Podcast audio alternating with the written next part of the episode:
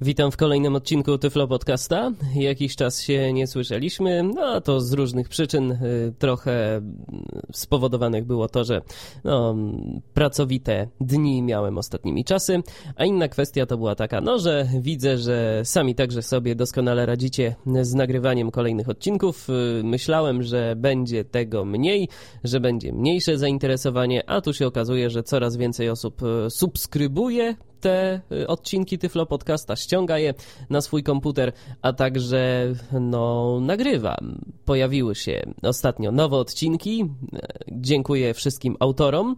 Y, no i mam nadzieję, że będzie ich jeszcze więcej. Cały czas przypominam, że wystarczy się po prostu do mnie zgłosić, no i wyrazić chęć y, współtworzenia Tyflo Podcasta, czyli pierwszego polskiego podcasta dla niewidomych. To jest właśnie Tyflo Podcast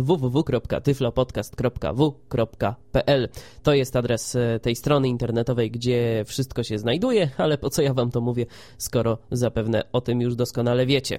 Na dobry początek e, kilka słów e, odnośnie takich kwestii organizacyjnych. Ostatnimi czasy, no, serwer chodzi różnie, raz lepiej, raz gorzej, ale miejmy nadzieję, że już to niebawem się wszystko ustabilizuje. Ostatnio tam na tym serwerze było wprowadzanych trochę zmian i te zmiany jeszcze są odczuwalne. Miejmy nadzieję, że odczuwalne będą przez jak najmniejszy, najkrótszy okres czasu. Też dostawałem takie informacje, że serwer, na którym znajdują się pliki, czyli archive.org, y, no po prostu zrywa połączenie. Mówiąc Mówiąc szczerze, ja się z tym nie spotkałem. Nie spotkałem się z takim zachowaniem tych serwerów, ale być może, jeżeli ktoś ma jakieś tam problemy, no to y, proszę mi to zgłaszać, a na pewno zrobimy coś, żeby można było y, te odcinki Tyflo Podcasta sobie odsłuchać. Nie ma tak, że y, jakiekolwiek uwagi zostaną bez echa. To tyle tak tytułem wstępu. Yy, w tym odcinku będzie o czymś, czym zajmuję się, no można powiedzieć, zawodowo, z czym mam do czynienia już od kilku lat i y, co no, przynosi mi dużo radości, a co jak się okazało także interesuje y, niektórych. Dostałem kilka takich maili, w których zostałem poproszony, żeby co nieco na temat radia powiedzieć, na temat radia, no przypuszczam, że internetowego, y, bowiem to jest przyszłość. Ostatnio wyczytałem w jednym z artykułów, że co czwarty internauta w Polsce słucha jakiegoś radia internetowego więc myślę, że to jest y, powód do radości. Trochę martwi jednak tylko to, że mm, ten co czwarty internauta słucha tych no, największych internetowych stacji radiowych, które mimo swojego potencjału finansowego nie prezentują jakby takiej ciekawej oferty programowej. Y, ofertę muzyczną, no to być może prezentują ciekawą, ale ja mam to do siebie, że no jeżeli chcę posłuchać radia, to, to chcę posłuchać radia, gdzie ten prezenter jednak od czasu do czasu mądrze lub też mniej mądrze się odezwie, a przy okazji zagra jakieś naprawdę ciekawe piosenki, a nie jedną z 300-400 najbardziej znanych i najbardziej oklepanych i takich, którymi naprawdę można się już przejść.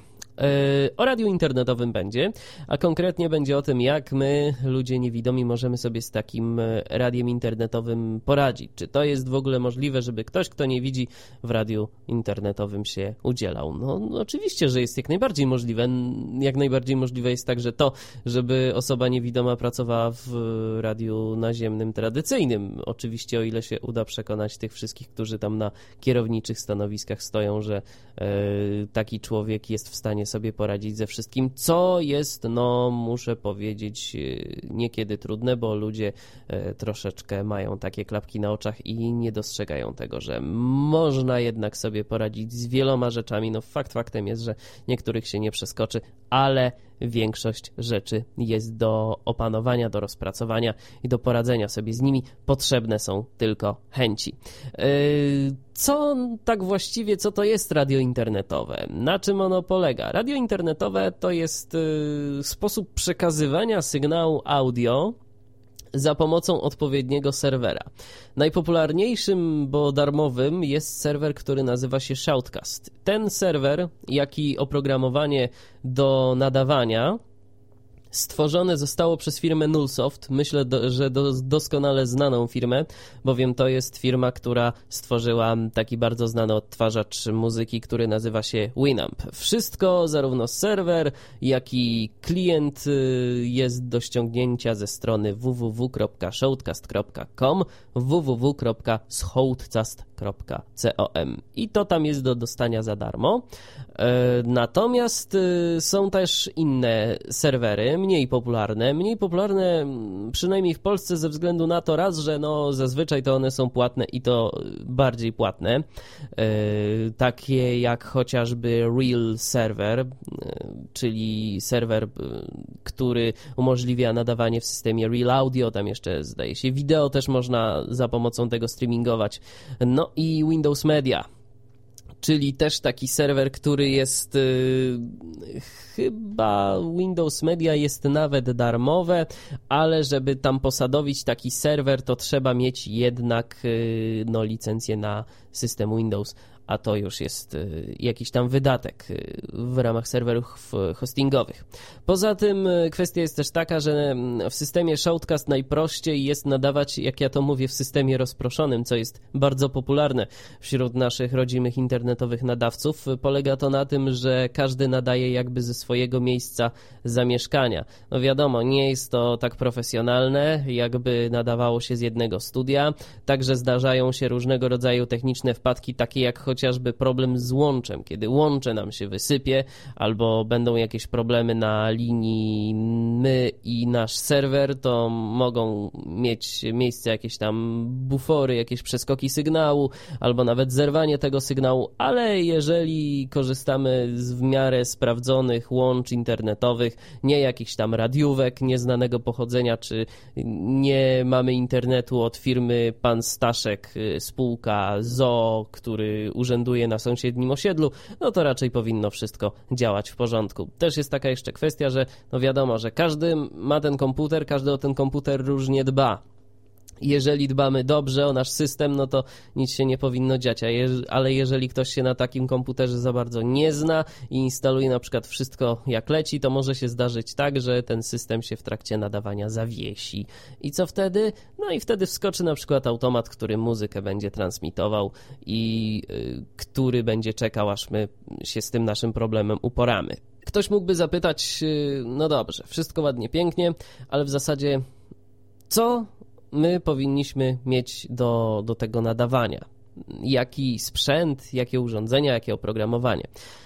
Ja pozwolę sobie powiedzieć kilka słów na temat y, najpierw sprzętu, e, później o programowaniu też nieco wspomnę, bo no nie jest moim zadaniem w tym y, podcaście prowadzić kogoś za rękę i mówić jak skonfigurować sobie wtyczkę do nadawania, bo to jest myślę, że bardzo podstawowa kwestia i jeżeli ktoś naprawdę poważnie myśli o tym jak sobie z radiem radzić i chce jakoś tam poważnie i profesjonalnie profesjonalnie tym się zajmować, no to myślę, że już sobie z takim banałem doskonale sam poradzi.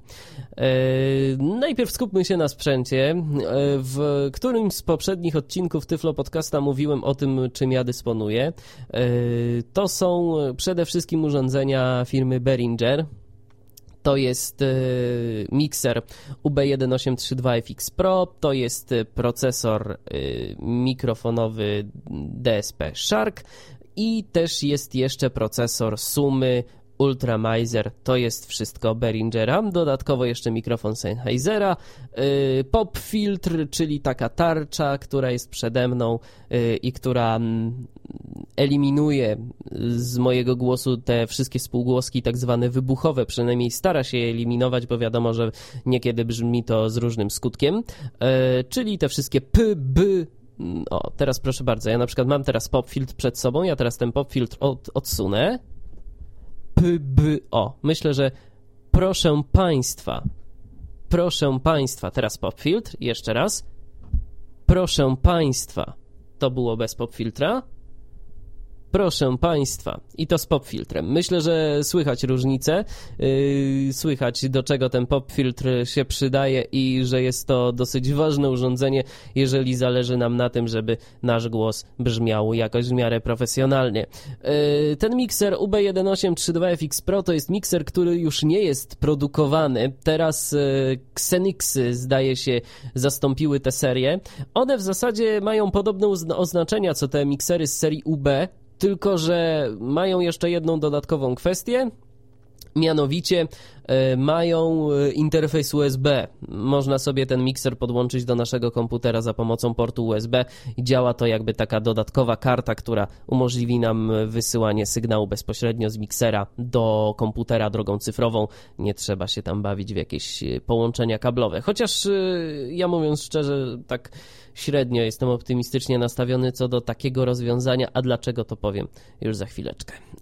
Mikser jak sama nazwa wskazuje, służy do miksowania, czyli to jest urządzenie, do którego z jednej strony wpinamy nasze wszystkie urządzenia, e, audio. Mowa tu o takich rzeczach jak mikrofony, jak e, źródła dźwięku, takie jak odtwarzacze CD, czy poszczególne karty dźwiękowe naszego komputera a z drugiej strony mamy coś takiego, co się nazywa suma i ta suma zawiera w sobie jakby cały finalny miks tego yy, naszego mm, sygnału. Oczywiście regulujemy wszystkie poziomy sygnałów z każdego wejścia za pomocą tłumików. To są tłumiki, które Powiem tak, w UB1832FX Pro te tłumiki dosyć szybko stają się takimi tłumikami, które no, chodzą lekko. To, to jednym się podoba, innym nie. Na przykład u mnie te tłumiki chodzą, jeden chodzi bardzo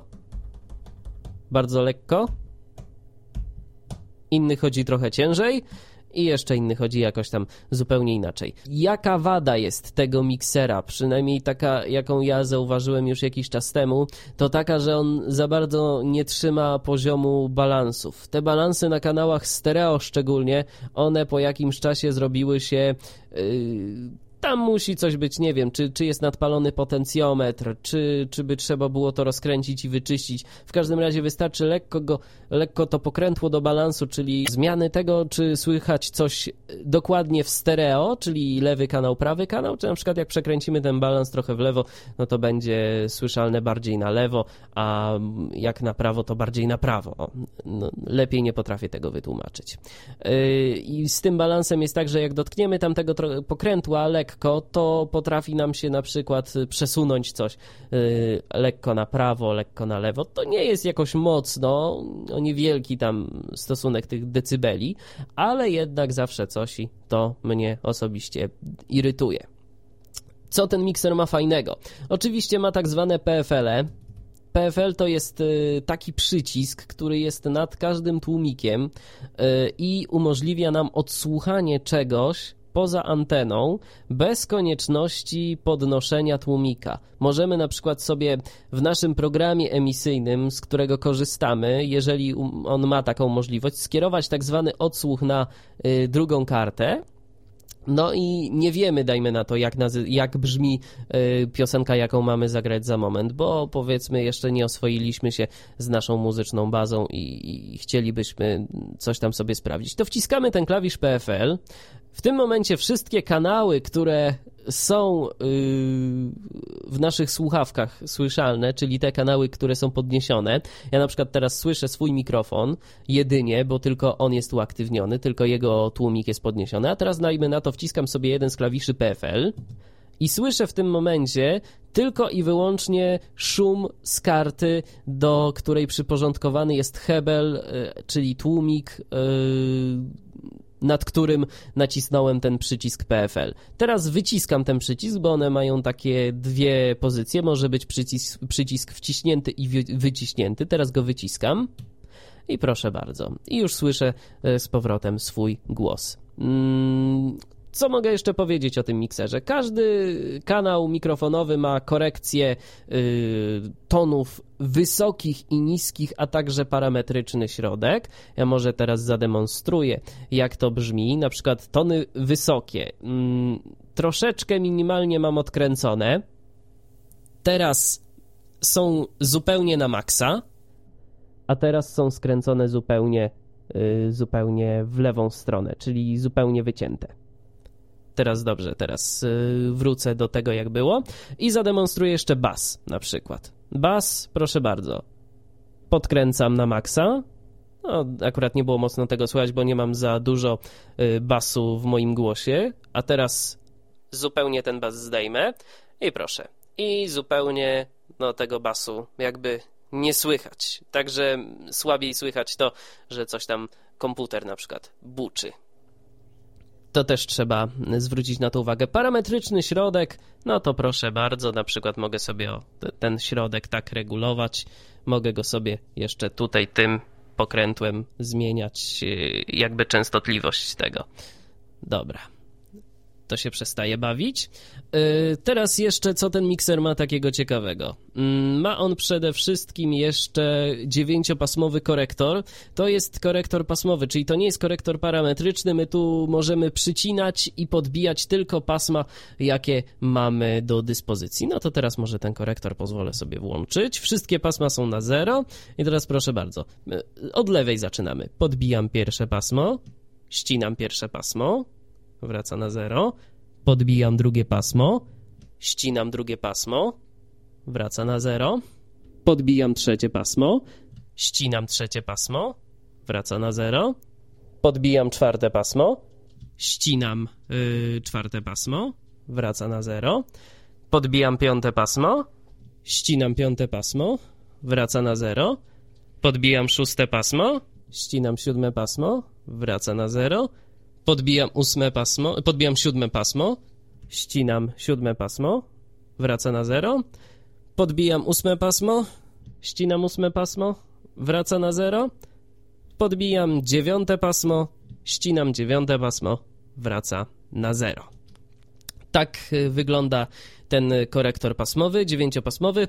W emisji radiowej raczej taki korektor nie przydaje się, bo jeżeli chcemy coś y, wyregulować, to raczej regulujemy to tymi gałkami, które są przy każdym kanale i to też tylko i wyłącznie zazwyczaj posługujemy się tym w przypadku mikrofonów. Źródeł zazwyczaj, jeżeli to są źródła e, cyfrowe, jeżeli mamy do dyspozycji jakąś tam płytę kompaktową albo pliki MP3 z naszego komputera, to nie ruszamy, bo one brzmią wystarczająco dobrze. Jeżeli wprowadza się jakieś zmiany, to wprowadza się takie zmiany tylko i wyłącznie za pomocą procesora na samym końcu.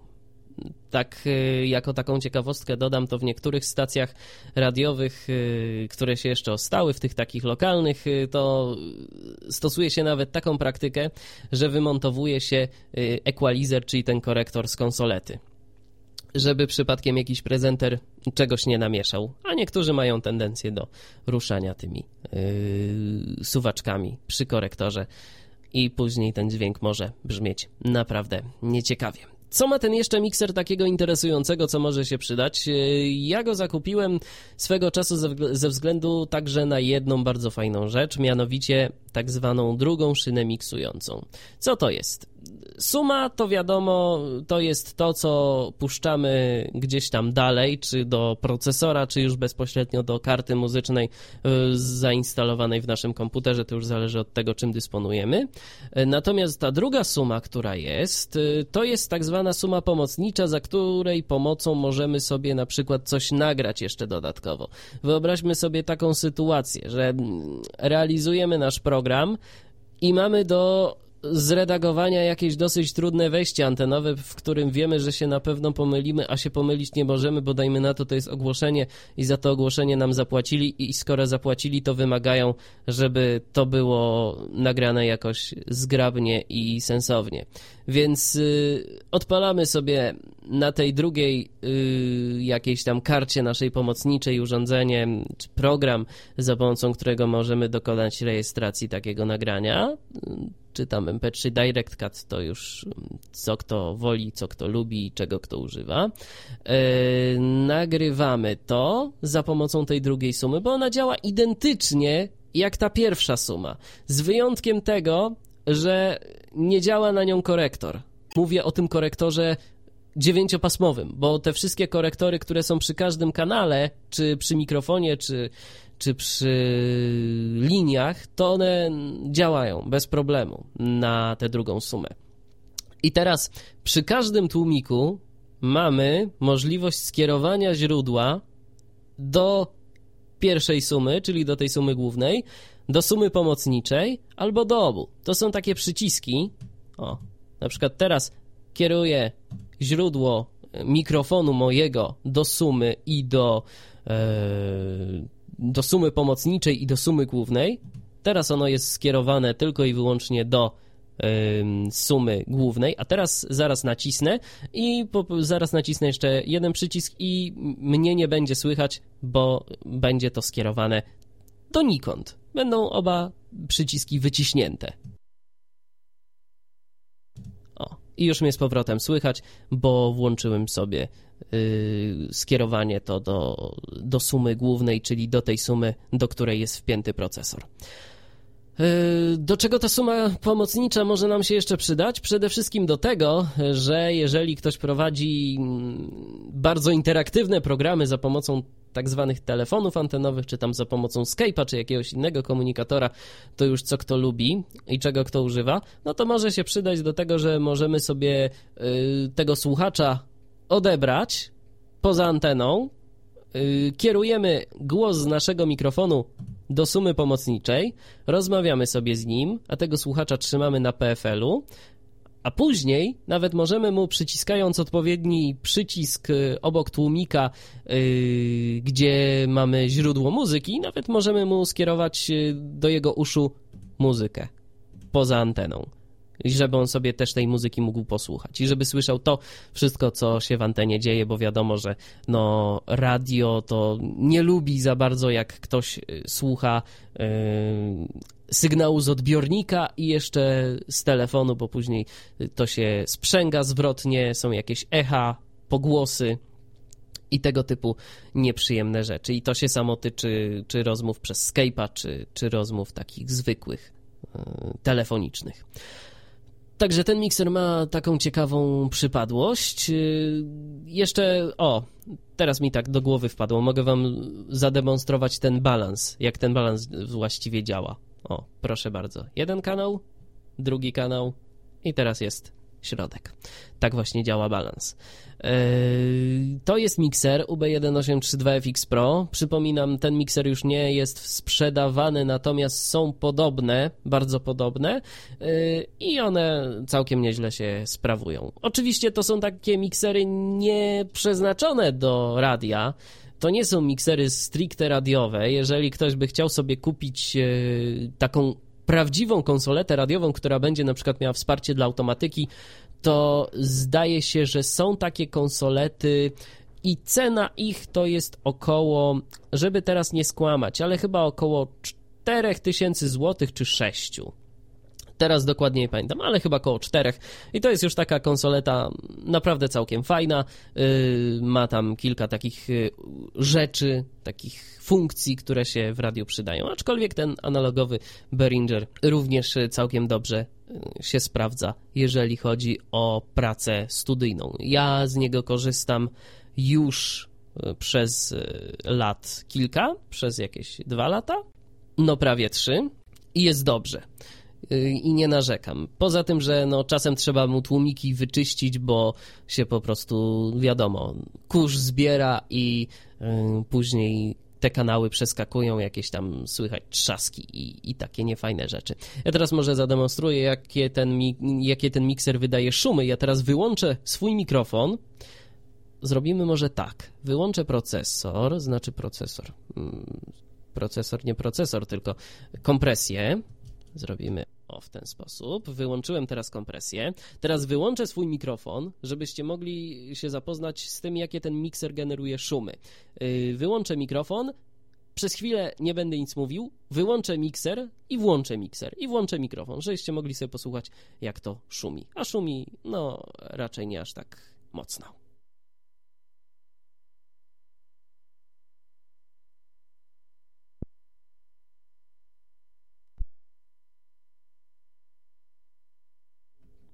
Dobra, to już wracam do Was. Teraz włączę sobie z powrotem kompresję, żeby jednak to było jakoś y, w sposób sensowny słychać, a nie w jakiś taki niefajny.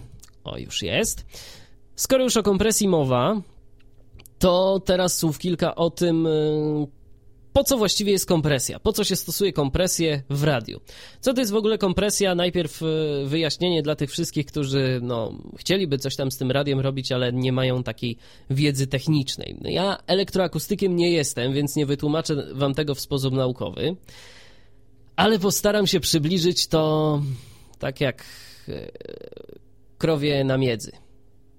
Mamy jakiś sygnał i ten sygnał ma dynamikę swoją, jakąś tam. Czyli dajmy na to, są w tym sygnale partie cichsze i partie głośniejsze. Jest coś nagrane ciszej, jest coś nagrane głośniej. I to mówimy o tym, że to jest ta dynamika danego, danego nagrania. Chyba największą dynamikę mają utwory, które y, wykonywane są przez różnego rodzaju orkiestry symfoniczne, jakieś tam y, mm, orkiestry, które wykonują muzykę klasyczną, muzykę poważną to wtedy największą tą dynamikę to ma i tam się raczej nie powinno stosować ostrej kompresji. I po co jest ten kompresor? Kompresor to jest takie urządzenie, które powoduje to, że ten sygnał staje się jednostajny.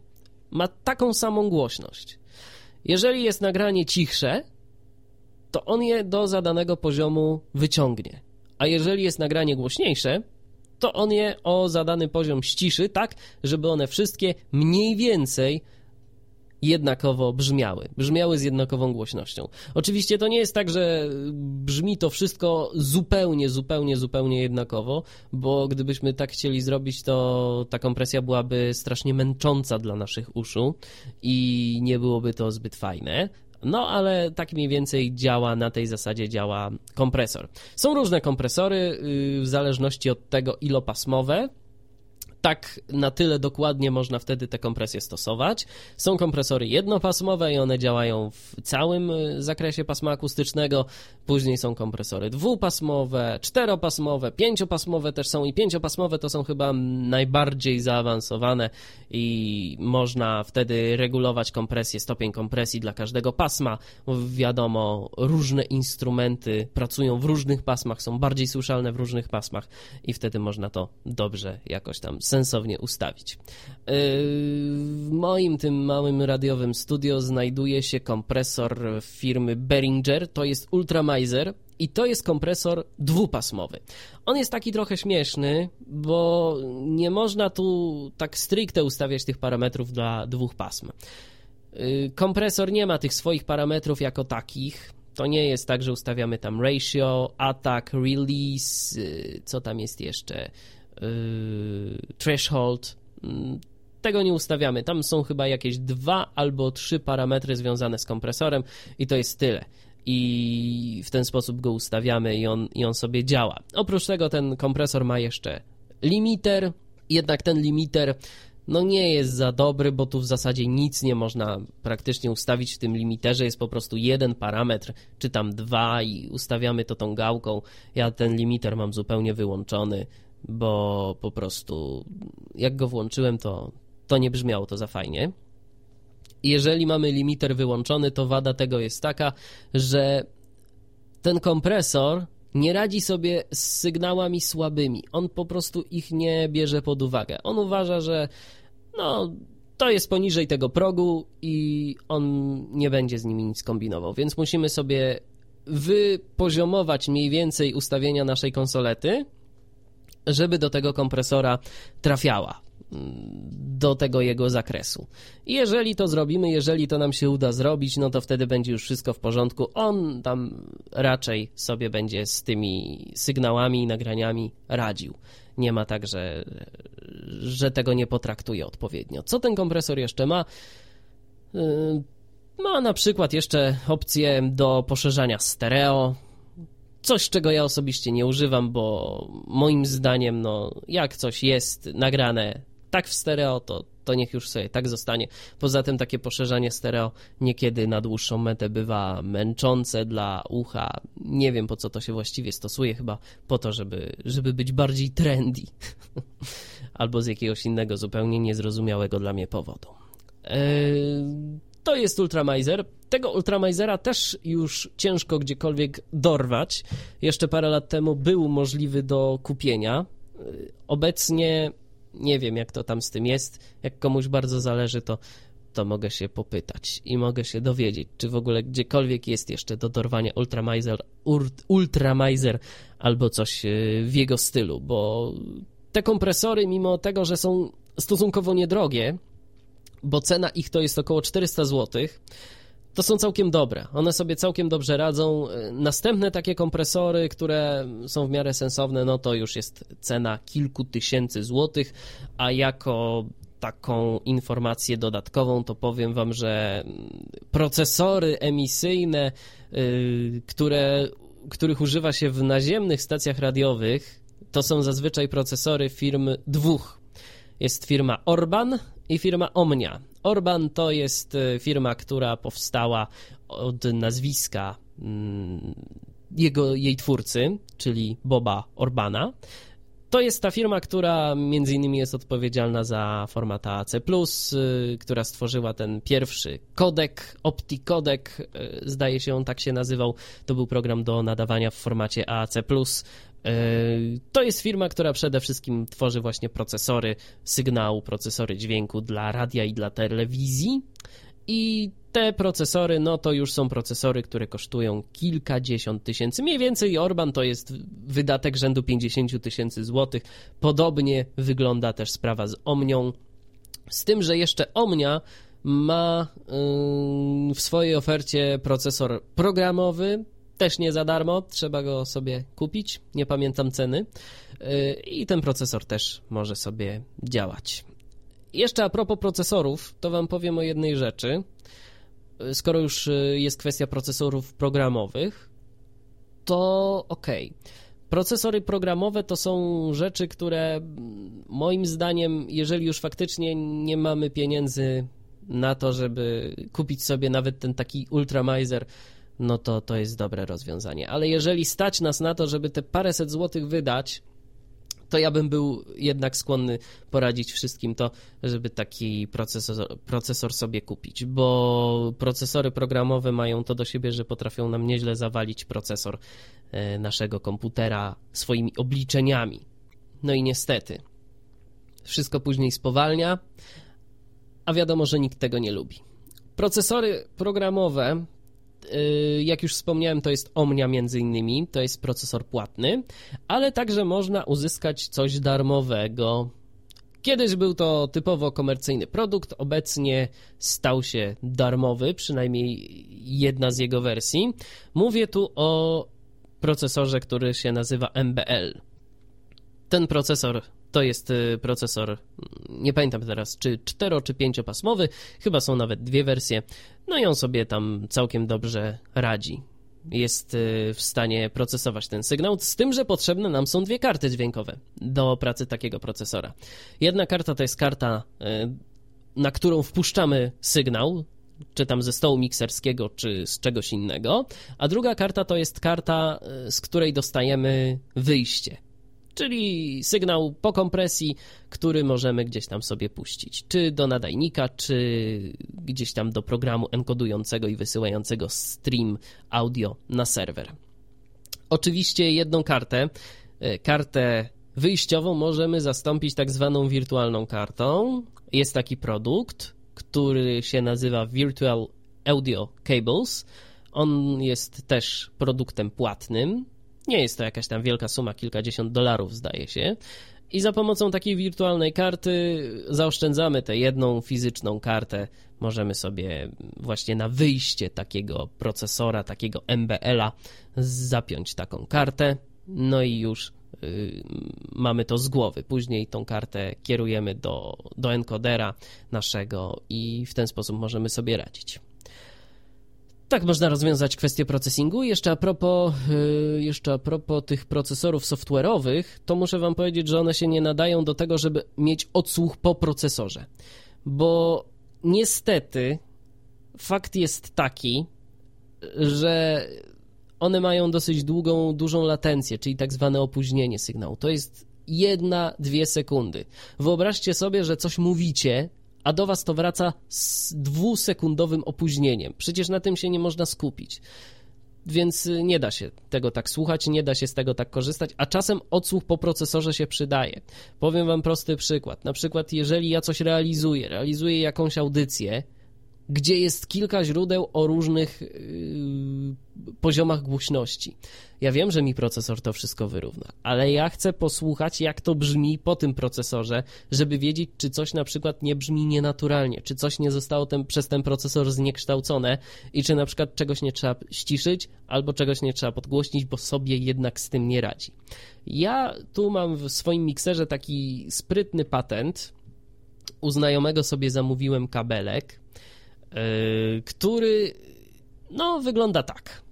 Są dwa wejścia na dużego jacka, jest jeden mały jack i są dwa yy, i są dwa wyjścia jakby, nie, to są tak, to są wyjścia i są dwa wyjścia yy, na cincze.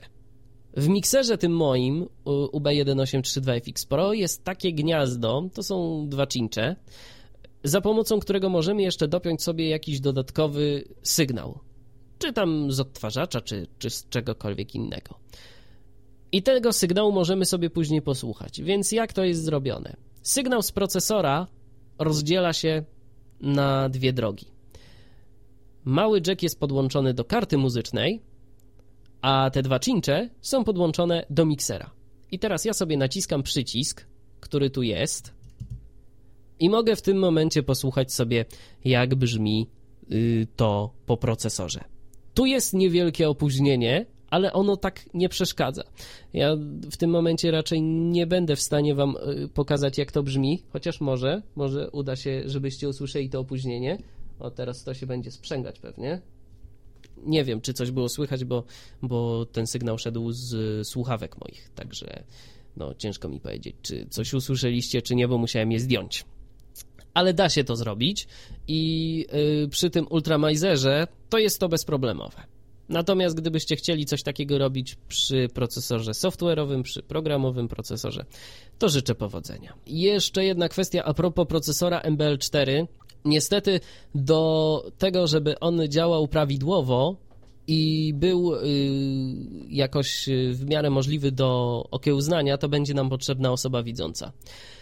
Problem jest taki, że interfejs tego procesora to umożliwi nam y, na pewno wybranie źródła y, sygnału, umożliwi nam wybranie wyjścia, umożliwi nam włączenie tego wszystkiego do kupy, ale jeżeli będziemy już chcieli zmienić tak zwany preset, czyli ustawienia tego procesora, ustawienia jakichś tam parametrów, to niestety sobie z tym nie będziemy w stanie poradzić.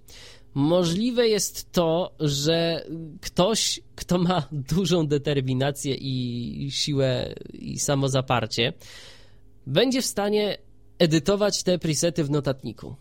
Ja takiego zaparcia nie miałem bo tam jest dużo parametrów, które niespecjalnie mi wiele mówiły. Nie wiedziałem, co to jest.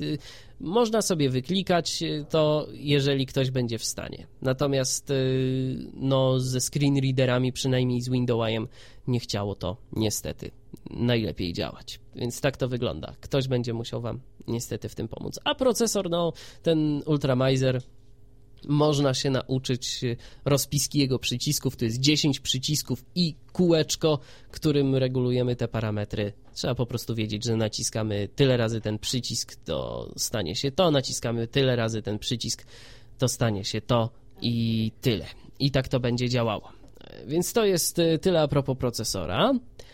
Jeszcze mam jeden procesor, to jest procesor mikrofonowy, o nim już mówiłem w poprzednim odcinku. Wspominałem o tym, co on robi, że zasila jakby dodatkowo ten mikrofon, y, wyrównuje także jego dynamikę.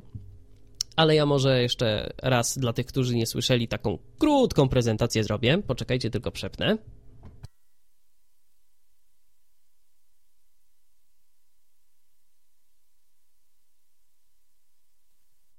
Dobrze, już y, jestem procesor, trochę bardziej szumi, ale No musisz umieć, bo y, tu kompresor zdecydowanie intensywniej działa. To jest jakby taka podwójna kompresja, bo jest y, najpierw potraktowane procesorem mikrofonowym, a później jeszcze jest y, potraktowane tym procesorem sumy, czyli ultramajzerem.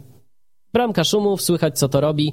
Ja się teraz oddalę bardzo. No już ta bramka nie zawsze chce złapać mój mowy. Teraz się przybliżam i proszę bardzo, już y, słychać zdecydowanie lepiej. Tak brzmi ten procesor. Ja teraz przepnę się z powrotem na sumę, nie na sumę, tylko na mikrofon bez procesora.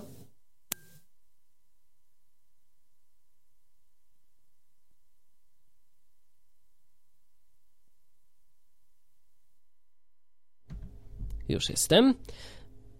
I o czym można by jeszcze dalej powiedzieć, jeżeli chodzi o sprzęt? Ktoś by mógł zapytać, po co mi właściwie procesor? Bo co to jest? To, to nie jest potrzebne. A ja powiem, że w zasadzie to nic nie jest potrzebne. Można poprowadzić program radiowy w radiu internetowym na mikrofonie za 5 zł. Naprawdę, można sobie taki mikrofon kupić gdzieś tam w Biedronce, czy nie wiem, czy w jakimś innym hipermarkecie i spokojnie taki program się poprowadzi. Tylko jakby to brzmiało. Czy chcielibyście słuchać audycji kogoś, kto mówi jak, tak, w ten sposób, jakiś taki mikrofon ma dziwny i prawie nie idzie go zrozumieć? Czy wolelibyście posłuchać audycji kogoś, kto mówi wyraźnie, y, jeżeli zagra jakąś piosenkę, to nie słychać różnic poziomów między tymi piosenkami. Nie trzeba kręcić gałką od naszego głośnika i ze zrozumieniem jego mowy także nie ma najmniejszych problemów. No właśnie. To jest ta różnica. Im więcej zainwestujemy w sprzęt, tym będzie to lepiej brzmiało. Czy ktoś tego chce, czy nie. Taka jest niestety prawda. Jeżeli ktoś mnie zapyta o koszty yy, zrobienia takiego studia, to powiem, że nie ma żadnej uniwersalnej recepty. Studio radiowe to jest rzecz, w którą można wpakować 10 tysięcy, 50 tysięcy, 100 tysięcy, więcej jeszcze nawet – i jeszcze będzie można coś do, dokupić. Sensowne studio będzie można zrobić nawet i za no 2-3 tysiące. Tak sobie myślę. Bo mikser to jest wydatek około 1000 zł. Procesor jeden i drugi to jest mniej więcej w sumie 700 zł. Jeszcze jakieś słuchawki, mikrofon, kable. No to 2000, 3000. Coś koło tego. Myślę, że uda nam się zmieścić w tym przedziale. O czym jeszcze powiedzieć? Mikrofony. Mikrofon pojemnościowy i mikrofon dynamiczny. Bo to też jest ważna kwestia, nad którą ostatnio również e, kilka słów e, powiedziałem, ale teraz jeszcze powiem więcej. E, ktoś się zastanawia, czym się różni mikrofon pojemnościowy od dynamicznego. Powiem wam szczerze, że na temat takich jakby fizycznych właściwości to też niewiele wiem.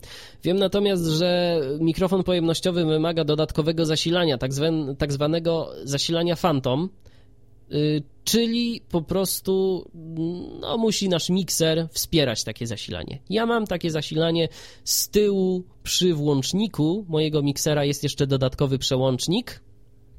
O, tu jest On wydaje mniej więcej taki odgłos, nie wiem czy cokolwiek było słychać. E, on wydaje taki odgłos i ten przełącznik y, to włącza te zasilanie i wyłącza. Mikrofon pojemnościowy wymaga takiego zasilania. Mikrofon dynamiczny nie. Z tym, że no, trzeba się liczyć z tym, że mikrofon y, dynamiczny będzie za jakieś tam powiedzmy 100-200 zł brzmiał gorzej niż mikrofon pojemnościowy za taką cenę. Ale jedna sprawa. Mikrofon pojemnościowy będzie brzmiał ładnie, tylko w, w wyciszonym studiu. Jeżeli nadajemy z domu, czyli z pomieszczenia, które no nie jest przystosowane do tego, żeby tu nadawać, to musi być mikrofon dynamiczny. Mikrofon pojemnościowy, jeżeli yy, podepniemy, to będziemy słyszeć absolutnie wszystko to, co się dzieje. Na przykład słyszeliście przed momentem, yy, takim dłuższym, że pies mi się tu awanturował i babcia musiała z nim wyjść na dwór, bo, bo chciał, że on tu biegał, tam jakieś pomruki swoje wydawał. To wyobraźcie sobie, jakby to było słychać z mikrofonem pojemnościowym. Zdecydowanie głośniej powiem wam. Jak samochód jakiś gdzieś tam jedzie, sąsiad wierci, to no po prostu słychać wszystko. Z mikrofonem dynamicznym słychać, ale mniej. Ja polecam, jeżeli kogoś stać, na zakup mikrofonu Shure SM7. To jest mikrofon, który jest klasykiem mikrofonów radiowych. On kosztuje około 1600-1700 zł, ale warto. Zresztą wystarczy sobie posłuchać na przykład sama Brytona na Blind Culteku jak ten y, człowiek nagrywa podcasty. On ma takie trochę to pomieszczenie, no, dosyć głośne, ale yy, powiem wam, że słychać to naprawdę ładnie, słychać go naprawdę ładnie i on korzysta z Shura SM7. Więc yy, jeżeli ktoś jest ciekaw, to sobie proszę na Blind Culteku poszukać jakiegoś jego podcasta i posłuchać, jak to brzmi. Brzmi całkiem, całkiem fajnie.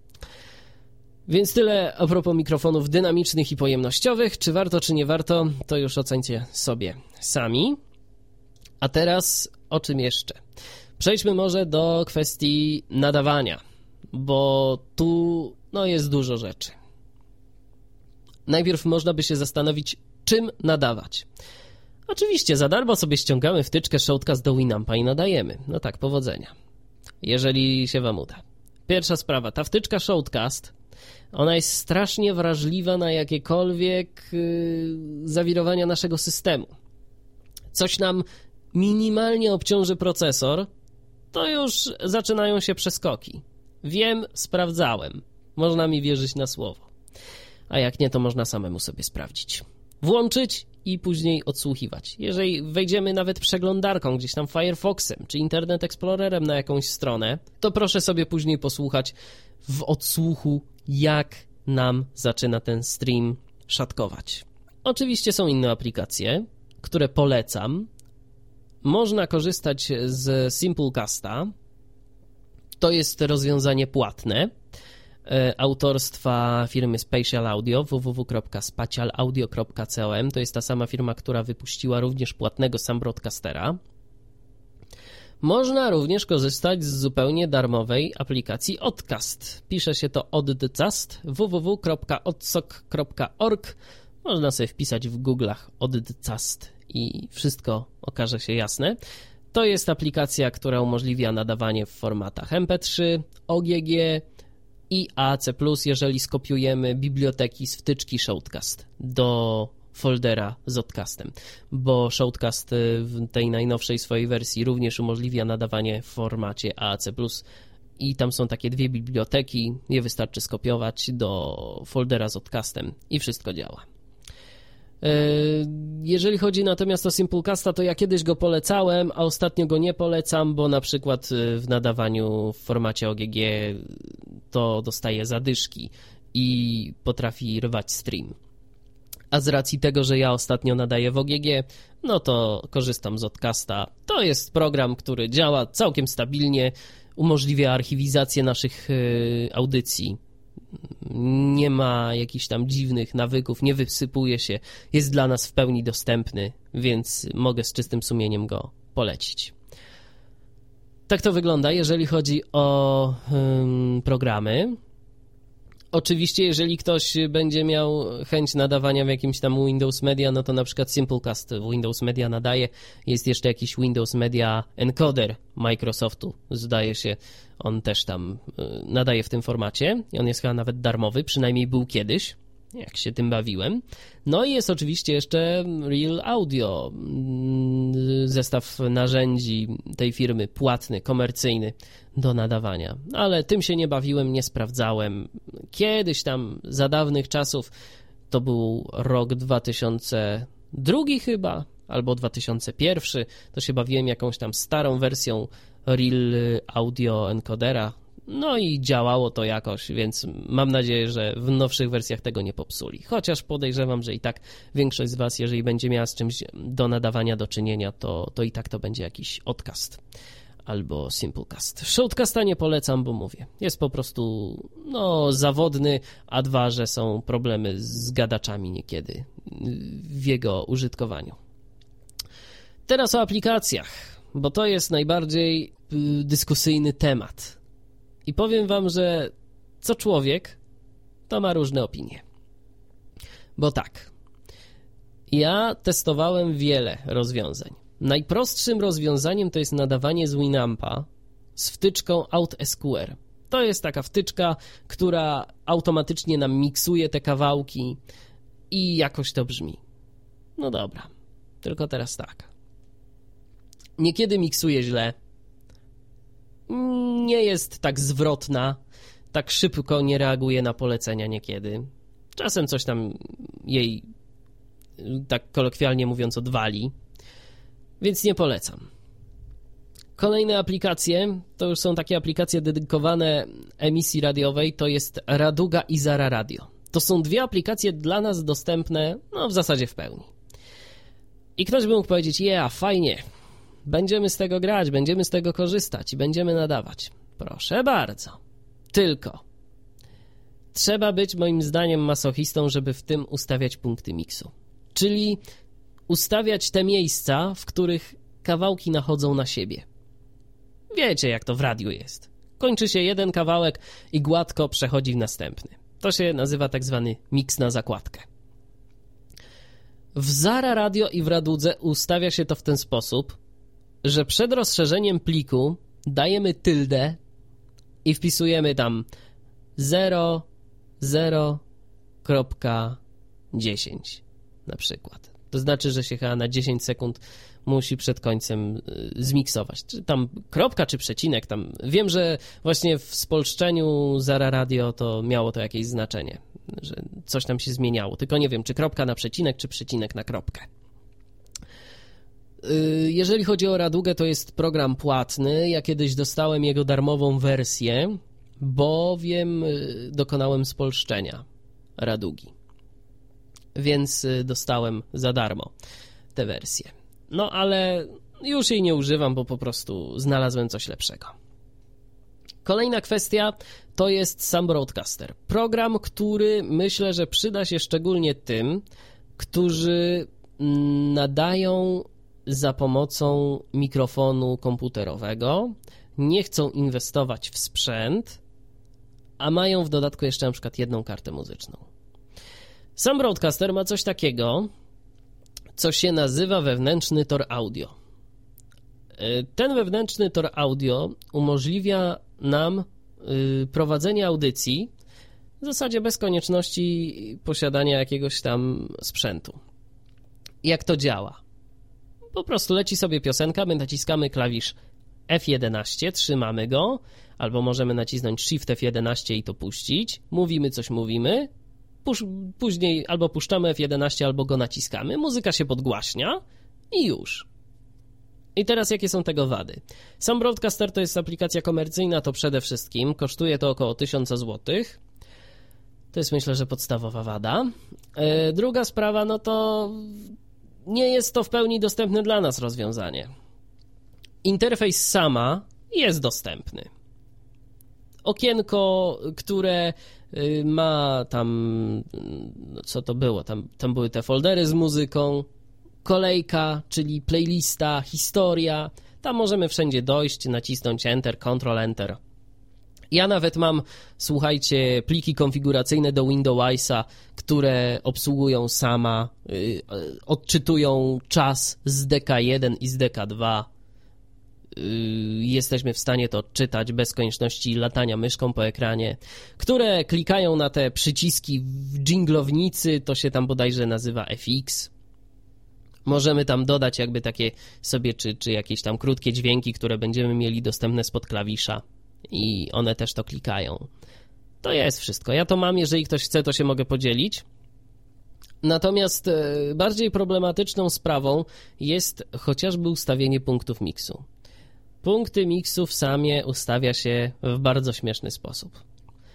Wchodzimy sobie we właściwości danego foldera, nie foldera, danego nagrania i tam mamy taką jedną zakładkę, w której są te punkty miksu tam jest taki odtwarzacz, jest ten cały deck, tak jak normalnie w samie. Tam trzeba kliknąć play, poczekać, bo te przewijanie za bardzo do, dla nas dostępne nie jest. Później kliknąć w odpowiednie miejsce, ustawić, że to ma być ten punkt miksu. No i tyle. Także no to nie jest dla nas dostępne, a klawiszologia w samej jest bardzo prosta. F1 to jest play, F2 to jest, zdaje się, pauza, F3 stop, F4 to jest następne nagranie, Shift F4 to jest tak zwana fejda, czyli takie płynne przejście do następnego nagrania. Jak naciśniemy Shift F4 i od razu naciśniemy potem F1, to yy, będzie miało miejsce takie szybsze przejście, bo zawsze jak naciskamy Shift F4, to to chwilę trwa, a za pomocą później F1 robimy to od razu. I jeszcze klawisz F11 to już mówiłem, włączanie mikrofonu i klawisz F12 to jest wyciszenie studia. Czyli po prostu wyciszamy tą całą muzykę. Ona dalej sobie brzmi, ale my jej nie słyszymy. Na przykład ktoś dzwoni do nas tam na Skype'ie, powiedzmy, i chcemy o coś go zapytać, to żeby nam ta muzyka nie przeszkadzała, albo na przykład za cicho słyszymy nasz syntezator. Także to się wszystko da zrobić, natomiast no ja nie jestem zwolennikiem stawiania software'u tam, gdzie powinien być hardware, czyli, czyli y, zastąpienia y, miksera, konsolety analogowej y, wirtualną taką konsoletą. To za nami, sam broadcaster. Yy, jeszcze co? To jest Station Playlist. To jest całkiem ciekawe rozwiązanie, słuchajcie. Bo to jest dwa w jednym. Program do układania playlist i program emisyjny, chociaż w zasadzie no, to są dwa moduły osobno płatne. Jest Station Playlist i Station Playlist Studio. To jest w pełni dostępne dla nas, to jest oparte na standardowych kontrolkach. Yy, polski dystrybutor tej aplikacji chwali się, że jest dostępne w pełni dla osób niewidomych, co zresztą mogę potwierdzić, bo jest, więc jest dobrze. I, no i po prostu tyle na temat tego. Bardzo, bardzo sympatyczne narzędzie. Nie miałem okazji przez dłuższą chwilę go testować, yy, no bo trzeba by się tam trochę w tym pobawić, ale da radę obsłużyć tam, no praktycznie rzecz biorąc, wszystko. Układanie playlist, układanie tam tych całych ramówek, kategorii, dodawanie, bo to jest wszystko, słuchajcie, na standardowych kontrolkach, jakieś tam pola listy, przyciski poetykietowane, więc jest dobrze. Jeszcze, jeszcze wrócę na chwilę do sam broadcastera. Sam broadcaster ma taką fajną funkcję, która umożliwia układanie playlist automatycznie. Tworzymy sobie jakby taki szablon, dodajemy do odpowiednich kategorii muzykę, na przykład wybieramy sobie muzykę taneczną, muzykę wolną, muzykę szybką, muzykę jakąś tam, nie wiem, oldies i później za pomocą takiego szablonu sobie ustalamy, że ma lecieć taneczna, taneczna, później ma lecieć jingle, później ma lecieć taneczna, wolna i tak dalej, i tak dalej. I według tych naszych kryterii później sam broadcaster automatycznie będzie nam tę playlistę generował. Jeszcze jedna rzecz, y, aplikacja, która moim zdaniem jest naprawdę fajną aplikacją. Programem, który może być bardzo przydatnym dla nas, dla osób niewidomych, bowiem autor jest y, przychylnie do tego nastawiony jest zainteresowany dostosowaniem tej aplikacji mm, do potrzeb naszych. Oczywiście trzeba mu tam powiedzieć co i jak. Już y, po części to zrobiłem i jest lepiej. Mowa o programie Merlist. Y, to jest program, który stworzył Niemiec Torben Weibert program ten już od kilku lat jest dostępny. To jest program dla niekomercyjnego użytku darmowy. 80 euro kosztuje licencja dla yy, tak zwana personal DJ, czyli dla osoby, która no, chciałaby to komercyjnie wykorzystywać gdzieś. Także 80 euro to myślę, że nie jest znowu aż tak wiele.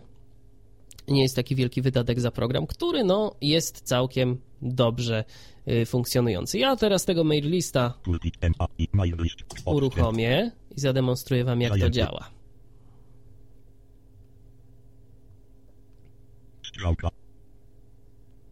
O, już chyba się od, od, odpalił. Dobra. E, mamy okienko mail lista. I teraz to, co się tu pojawi, to zależy tylko i wyłącznie od tego, jak my to sobie skonfigurujemy. Bowiem to jest program bardzo konfigurowalny. Możemy mieć nieograniczoną liczbę tak zwanych odtwarzaczy. Te odtwarzacze można przyporządkować do nieograniczonej ilości kart dźwiękowych. Jeżeli mamy kartę wielokanałową, to także ona może funkcjonować jako oddzielne urządzenia. Na, przykład na pierwszym i drugim kanale będzie jakiś odtwarzacz, na drugim, trzecim jakiś i tak dalej, i tak dalej. Ja mam zrobione to tak, że mam y, na jednej karcie wielokanałowej audiotraka, na karcie Maya AX5C postawioną całą emisję, a karta zintegrowana, jaką jeszcze mam przy komputerze na płycie głównej, to jest y, używana jako PFL. I teraz tak. Co my tu w tym mail-liście mamy ciekawego? Mamy na pewno okno playlisty. Ono jest teraz puste. Nowe nowe zakładka. Teraz idąc tabem dalej, to mamy tak zwane hot directories, czyli to jest y, to są katalogi, w których jest muzyka i do których chcemy mieć szybki dostęp. Mam tutaj tak. Baza dance, baza dance, zakładka. Baza dance, zakładka. baza Nowe single, i nowe single. Nowe single to są na przykład jakieś tam single z wytwórni. I teraz powiedzmy mamy tutaj takie coś. Tu mamy tygodnie, bo mam to tak rozplanowane w tygodniach. 01 Alex Gaudino Out Radio Edit. Jakieś tam na przykład Alex Gaudino. I teraz naciskając Enter dodajemy to do playlisty. 01 Alex Gaudino Okno. MS Better. Hofinster Zląk Łatwo. Od Arlotte idące Rana Bejlowe MP8 z 2 No właśnie, na przykład Charlotte jeszcze, czy, czy coś tam jeszcze. I teraz mamy to dodane do naszej playlisty. Teraz chciałbym, żebyśmy zaczęli emisję. Więc ja sobie to skonfigurowałem tak, że żeby zacząć emisję, to muszę nacisnąć y, slash. To włącza automatykę. I teraz mam jeszcze taką dodatkową klawiaturkę, za pomocą której tym steruję. Więc teraz za pomocą jej uaktywniam. No i tu sobie coś gra. To jest na pierwszym playerze. Na przykład na drugim playerze mam tak zwane jingle i mogę teraz ten jingle uruchomić. www.idearadio.pl I to jest jingle, który moją stację identyfikuje. I tak to sobie może grać, grać, grać. Nie będziemy sobie muzyki słuchać, bo w końcu nie o tym jest ten podcast. Yy, To jest player numer jeden. I teraz dlaczego ja mówię, że to jest takie fajne? Bo popatrzcie, na przykład mam podpięty pod player numer jeden właśnie y, ten kawałek, on sobie teraz gra i ja chciałbym, żeby kiedy skończę mówić, od razu automatycznie wystartował kawałek numer dwa. Jak ja to mawiam na twardo, czyli bez czegoś takiego, żeby poszło na twardo. Więc teraz na przykład kończę mówić i zagramy ten kawałek drugi. No i proszę, i zagrał, i zagrał na twardo. Ja y, jestem zdania, że właśnie w ten sposób powinno się realizować y, audycję, a nie w ten sposób, że wszystko wrzucamy na jedną kartę i jesteśmy szczęśliwi, bo zaoszczędziliśmy parę złotych, ale efekt odsłuchowy tego jest naprawdę nieciekawy. Teraz jeszcze wam pokażę okno PFL-a. Dajmy na to Jakaś tam Kasia Cerekwicka sobie jest. I ja teraz na karcie jeszcze jednej mam PFL-a. Naciskam Ctrl P i tu mogę sobie teraz ustawić tak zwane punkty. Ja przede wszystkim korzystam z punktu Q, korzystam z punktu yy, miksu i to jest w zasadzie tyle, z czego ja tam korzystam. I teraz dajmy na to, chcę wyciąć ten początkowy fragment, więc naciskam sobie teraz, ja sobie skonfigurowałem to w ten sposób, że Q to jest R to jest odsłuch, E to jest ustawienie, a W i Q to są yy, opcje, które przesuwają te strzałki, yy, przesuwają wskaźnik tego punktu, więc teraz dajmy na to, robimy tak. To chcę wyciąć. Jeszcze. O, i to. Teraz przesuwamy, żeby wszedł beat.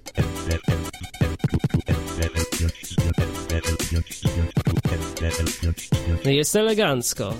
Wszedł ten beat. y, Mam to tak ustawione, że kiedybym y, zagrał ten kawałek od początku, to weszłoby właśnie od tego miejsca,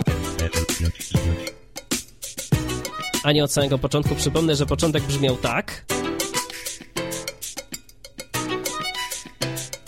Więc jest to wycięte. Dobra, wracamy do tego. I teraz chciałbym jeszcze ustawić jakiś sensowny punkt miksu. Więc naciskam F12, co mnie przenosi do końca tego nagrania. Zejdź mi z oczu.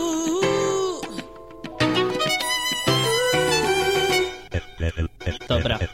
To jest tak niefajnie się zakończyło, ale spróbujemy coś z tym zrobić.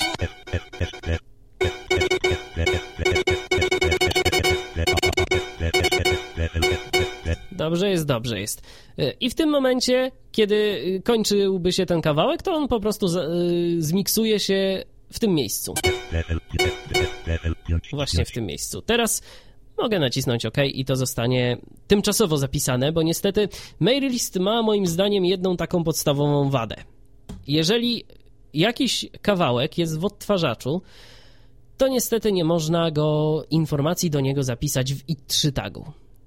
Jeżeli y, chcę informację o tym kawałku zapisać, to mogę, ale tylko i wyłącznie w mm, bazie danych albo w tak zwanym metapliku, czyli pliku, który ma identyczną nazwę co ten kawałek, ale ma po prostu inne rozszerzenie. Zdaje się MLD.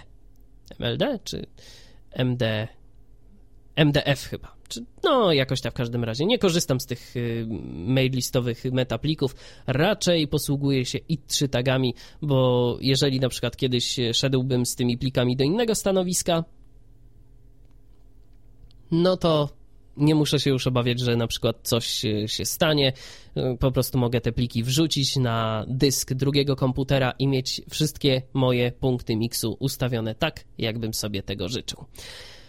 Co Mailist ma jeszcze ciekawego? No to jest w zasadzie program emisyjny. On tu nie ma takich opcji jak na przykład sam Broadcaster, że układa samodzielnie playlisty. To ma być w wersji z bazą danych Mailist.db, ale kiedy ta wersja będzie, no to jeszcze ciężko powiedzieć. Autor nad nią cały czas pracuje. Po prostu ten program jest do tego, żeby nam się wygodnie grało. I moim zdaniem naprawdę wygodnie się gra. Jeszcze wam pokażę jedną funkcję.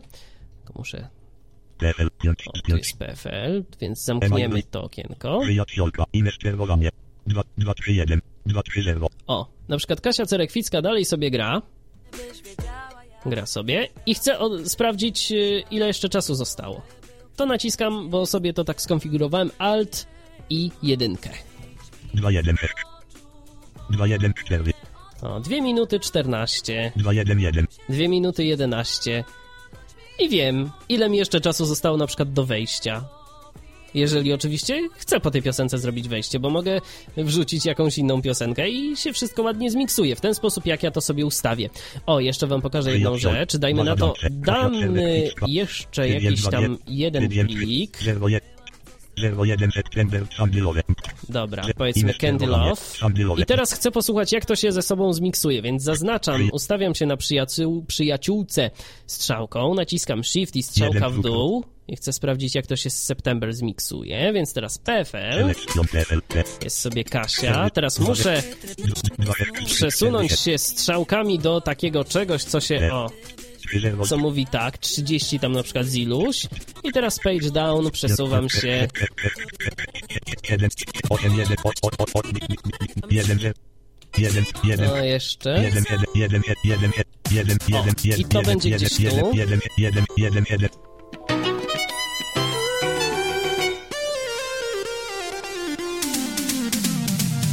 No i tak się właśnie zmiksuje. Pewnie zmiksowało się niefajnie, bo tam zamiast OK nacisnąłem anuluj, ale sprawdzimy to zaraz. Ustawimy to jeszcze ta, tak na szybko. Dobra, zaznaczamy i teraz przesuwamy. 1, 1, 1, Trzeba 1, poszukać. 1, O, 1, 1, 1, 1, 3, 3, 4. on czasem nie załapuje tego, ale spróbujemy. No i teraz było już zdecydowanie lepiej. Może jeszcze raz wam dam tego posłuchać? 1, 1, 1, 1, 3, 4.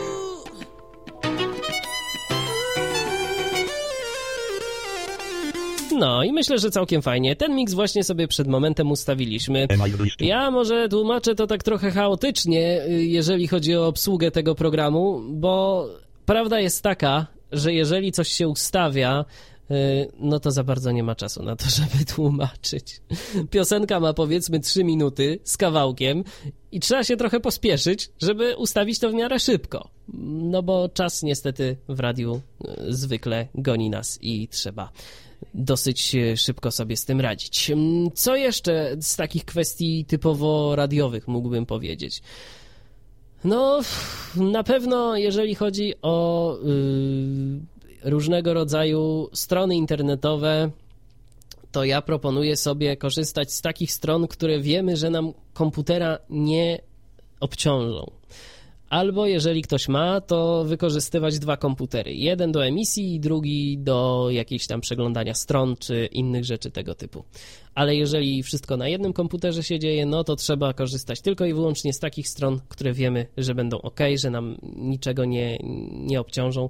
Bo jeżeli nam obciążą komputer, no to gadasz nam się może wysypać i możemy później stracić kontrolę nad emisją. Jeżeli ktoś jest jeszcze widzący w pobliżu, no to nam pomoże to zrestartować, a jak nie, i jakieś tam inne gadacze też nie będą się chciały odpalić, no to pozostaje nam restart, rozłączenie z serwerem. No i niefajnie to wtedy brzmi, prawda? No właśnie. Jeżeli ktoś ma jakieś pytania odnośnie emisji, odnośnie radia, ktoś by się chciał czegoś dowiedzieć, jak to po naszemu zrobić, żeby gadało, no to proszę śmiało pisać. michalmałpadziwisz.net Parę lat już mam z tym doświadczenia, więc się nie omieszkam z wami podzielić wiedzą jakąś tam, jaką posiadam, o ile tylko będę w stanie i no cóż, tyle w zasadzie w dzisiejszym wydaniu Tyflo Podcasta. Dzięki za uwagę, do usłyszenia, a jak ktoś chce posłuchać sobie jak w moim przypadku to wygląda i czy rzeczywiście to jest wszystko prawda, o czym ja tu mówię, to www.idearadio.pl, tam obecnie się udzielam, można sobie posłuchać moich audycji. To po reklamie, trzymajcie się, do usłyszenia, do następnego odcinka.